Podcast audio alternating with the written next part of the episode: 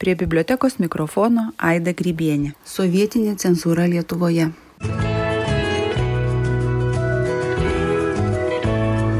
Tūkstantis 1940 m. birželio 15 d. Sovietų sąjungai okupavus Lietuvą beveik iš karto šalyje buvo įvesta visuotinė cenzūra uždrausta visa iki tol ėjusi periodinė spauda sulaikytas parengtų knygų spausdinimas nutrauktas spaudinių importas iš užsienio valstybių išskyrus ssrs sovietų režimas siekdamas kurti naują socialistinę kultūrą visų pirma turėjo ištrinti senąją kultūrinę tradiciją. Siekiant šio tikslo viena svarbiausių okupacinio režimo užduočių buvo visuomenės skaitymo turinio kontrolė bibliotekų ir muziejų fondų išvalymas. Prasidėjusio ssrs vokietijos karo ir nacių okupacijos laikinai nutrauktas kultūrinio gyvenimo sovietizavimas buvo tęsiamas po krašto reokupacijos 1944 metais. Sovietinę cenzūrą galima skirstyti į dvi rūšis - karinių ir valstybės paslapčių apsaugą ir viešojo gyvenimo politinę ideologinę priežiūrą visuomeninį kultūrinį gyvenimą prižiūrėjo lietuvos komunistų partijos centro komitetas valstybės saugumo organai ir vyriausiosios valstybinių paslapčių spaudoje saugojimo valdybos prie ssrs ministrų tarybos lietuvos padalinys glavlitas kuris turėjo saugoti ir karines bei valstybines paslaptis. Glavlito statusas jo kompetencija ir funkcijos buvo apibrėžiamos specialiais dokumentais nuostatais tvirtinamais ssrs ministrų tarybos. Draudžiamų skelbti spaudoje žinių sąrašas buvo pagrindinis normatyvinis sovietų cenzūros dokumentas. Jo reikalavimai buvo privalomi ne tik glavlito, bet ir visiems leidyklų bei redakcijų darbuotojams atsakingiams už redagavimą, ministerijoms, žinyboms, valstybinėms bei visuomeninėms organizacijoms ruošiančioms publikacijas. Pirmasis draudžiamų skelbti spaudoje žinių sąrašas SSRS buvo paskelbtas 1925, o paskutinis 1987 metais. Jis galiojo visoje visoje šalyje nenumatė jokių regioninio žinybinio ar kitokio pobūdžio išimčių. Sąrašas buvo priskirtas prie slaptų dokumentų tad prieinamas vien vadovams ir tiems darbuotojams kurie gaudavo kgb leidimą dirbti su slaptomis žiniomis. Darbai bei dokumentai turintys valstybinių paslapčių cenzūros buvo žymimi grifu ypatingai slaptai arba visiškai slaptai karinių bei tarnybinių paslapčių slaptai arba naudotis tarnyboje glavlito kontrolės sistema rėmėsi dar vienu neslaptu plačiai žinomu dokumentu vieningomis spausdinimo taisyklėmis. Vieningosios spausdinimo taisyklės nustatė kad jų reikalavimai privalomi visoms organizacijoms ruošiančioms medžiagas spaudai ir tiražavimui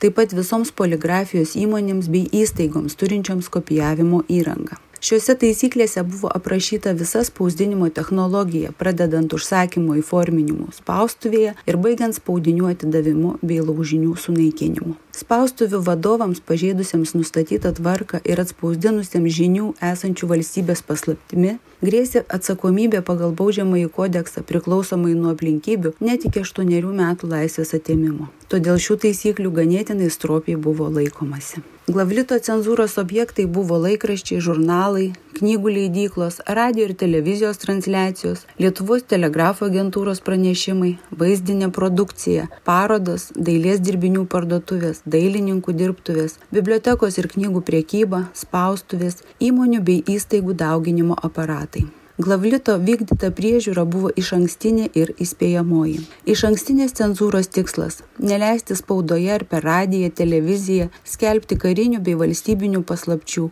užkirsti kelią ideologiniams iškraipymams ir klaidoms klaida buvo vadinama viskas kas bent kiek neatitiko oficialiosios komunistų partijos politikos ir ideologijos. Įspėjamosios cenzūros tikslas išsiaiškinti klaidas jau išspausdintuose leidiniuose pranešant apie jas leidinių redakcijoms spaudai bei radiją prižiūrinčioms partinėms bei visuomeninėms organizacijoms kad klaidų būtų išvengta. Svarbiausia buvo išankstinė cenzūra. Ji buvo daugiapakopė cenzorius vienam ir tam pačiam leidiniui pasirašydavo net tris leidimus rinkti spausdinti ir jį platinti. Daugybės valstybės gyvenimo sričių įslaptinimas buvo būtina sovietinės propagandos efektyvumo sąlyga Sovietų sąjungoje buvo slėpiami visi statistiniai duomenys atspindintys realią šalies ūkio ir visuomenės būklę. Ekonominės paslaptys, kaip ir karinės, turėjo dvigubą apsaugos sistemą, nes be bendrų glavlito sudaromų draudžiamų viešai publikuoti duomenų savadų, kiekviena sąjunginė ministerija ar centrinė žinyba dar parengdavo specializuotus įslaptintų duomenų sąrašus. Taip galėjo būti įslaptinama net ir tokia medžiaga, kurioje nebuvo slaptos informacijos, tačiau jos viešas publikavimas laikytas netikslingu. Įslaptintų karinių ir ūkio subjektų gausa labai sunkindavo miestų planų ir kitų topografinių spaudinių rengimą. Septintojo dešimtmečio pabaigoje netgi duotas nurodymas, kad visi sąjunginių respublikų miestų planai ir žemėlapiai būtų derinami su SSRS glavlitu Maskvoje. Viešai neskelbtinų duomenų sąrašas draudė publikuoti Respublikos žemėlapius, kurių mastelis buvo didesnis nei vienas prie dviejų su pusė milijono. Svarbus cenzūros dėmesio objektas buvo ir vietinių leidyklų leidžiami politiniai pasaulio žemėlapiai. Viena iš sovietinės cenzūros paskirčių buvo socialinės ramybės užtikrinimas. Todėl viešai nebuvo galima kalbėti apie katastrofas ar stichinių nelaimių padarytus nuostolius. Pavyzdžiui, 1945 m. sausio 12 d. Vilnių sukrėtusi sprogimą geležinkelio stotyje, nusinešusi apie 200 žmonių gyvybių, ir su žeme sulyginusi visą stoties rajoną, spauda visiškai nutylėjo, o po kelių mėnesių pasirodžiusiame straipsnėje apie stoties atstatymo darbus sugriovimai buvo priskiriami atsitraukiančiai vokiečių kariuomeniai. Ssrs glavlitas uždraudė lietuvos kino teatruose rodyti kino kroniką apie 1946 m. pavasarį Kaune kilusi didelį potvinį, liepęs ją skubiai siūsti į Centrinės kino kronikos specialųjį fondą Maskvoje. Tik nuo 70-mečio vidurio spaudoje buvo vis dažniau pranešama apie itin didelės, daug žmonių aukų pareikalavusias ir didelius materialinius nuostolius sukėlusias nelaimės, kurių nebuvo galima nuslėpti. Ypač buvo slepiama informacija apie avarijų ir stichinių nelaimių padarytą žalą gamtai. 1970 metais buvo parengtas specialus SSRS glavlito viršininko potvarkis, pagal kurį visos vietinės spaudos publikacijos ekologijos temomis turėjo būti suderintos su Maskva. Informacijos įslaptinimas dažnai keldavo tiesioginę grėsmę žmonių sveikatai, 1974 metais iš žurnalo Sveikatos apsauga Glavlito reikalavimu buvo išimtas straipsnis apie nustatytą didelį salmonelių paplitimą Vilniaus mėsos kombinate ir miesto parduotuvėse. Tame pat žurnale anksčiau neleista spausdinti straipsnio apie nuodingų cheminių elementų kiekį žemės ūkio produktuose. Kruopšiai buvo slepiama statistika apie lygų paplitimą, ypač duomenys apie sergamumą venerinėmis ir psichinėmis lygomis. Visais lygmenimis drausta viešai skelbti duomenys apie beraščius ir mažaraščius, pradedant miestu.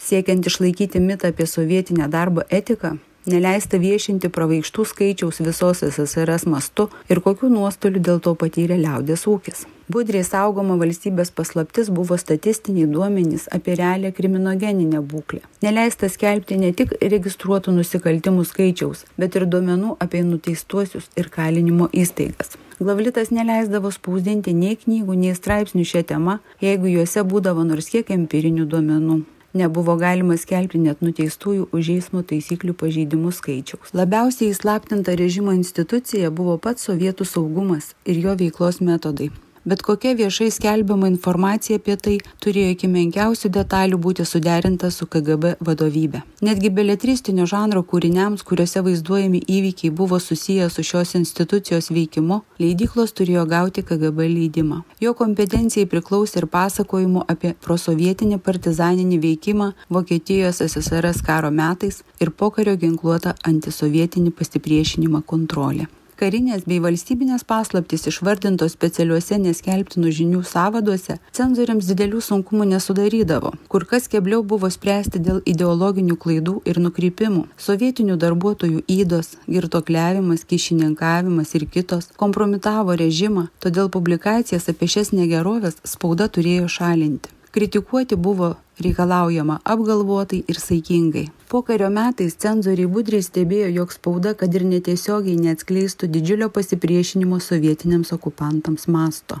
Ilgalaikės sovietų pastangos izoliuoti žmones nuo realios tikrovės suformavo savotišką paslapties kultūrą. Visuomenėje įsivyravo skepticizmas oficialios informacijos atžvilgiu ir kitų jos gavimo galimybių paieška Sovietų sąjungoje visa periodinė ir neperiodinė spauda buvo iš anksto cenzuruojama. Leidiniai, kuriuose glavlito cenzoriai aptikdavo draudžiamos publikuoti bei totalitariniai sistemai kenksmingos medžiagos, visai nebuvo spausdinami. Jei tokios medžiagos nebūdavo aptinkama, leidinio metrikoje buvo įrašomas cenzūrinis LV numeris ir leidinys spausdinamas.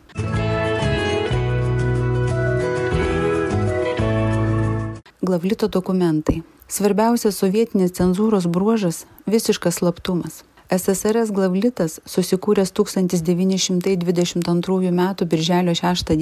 neilgai trukus specialių įsakymų nustatė, kad draudžiama spausdinti bet kokius straipsnius, žinutės ar skelbimus, kuriais būtų atkreiptas visuomenės dėmesys į kontrolės įstaigų darbą, vykdant tiek iš ankstinę, tiek ir vėlesnę sekamąją spausdintos medžiagos kontrolę. Glavlito dokumentai paprastai turėjo įslaptinimo žymą, buvo platinami pasirašytinai, numeruoti, juos perrašinėti ir skleisti žinias apie jų turinį buvo draudžiama. Panaudoti dokumentai turėjo būti gražinami. Ilgainiui Glavlitas supaprastino savo dokumentų priežiūros tvarką. Buvo parengti jų naikinimo vietose nurodymai. Nebuvo paliekami istorijai ir veiklos archyvai. Didžioji Glavlito archyvo dalis buvo sunaikinta 1959 metais. Vėliau archyvo bylos buvo naikintos ir 1966, 67, 68 bei 1977 metais.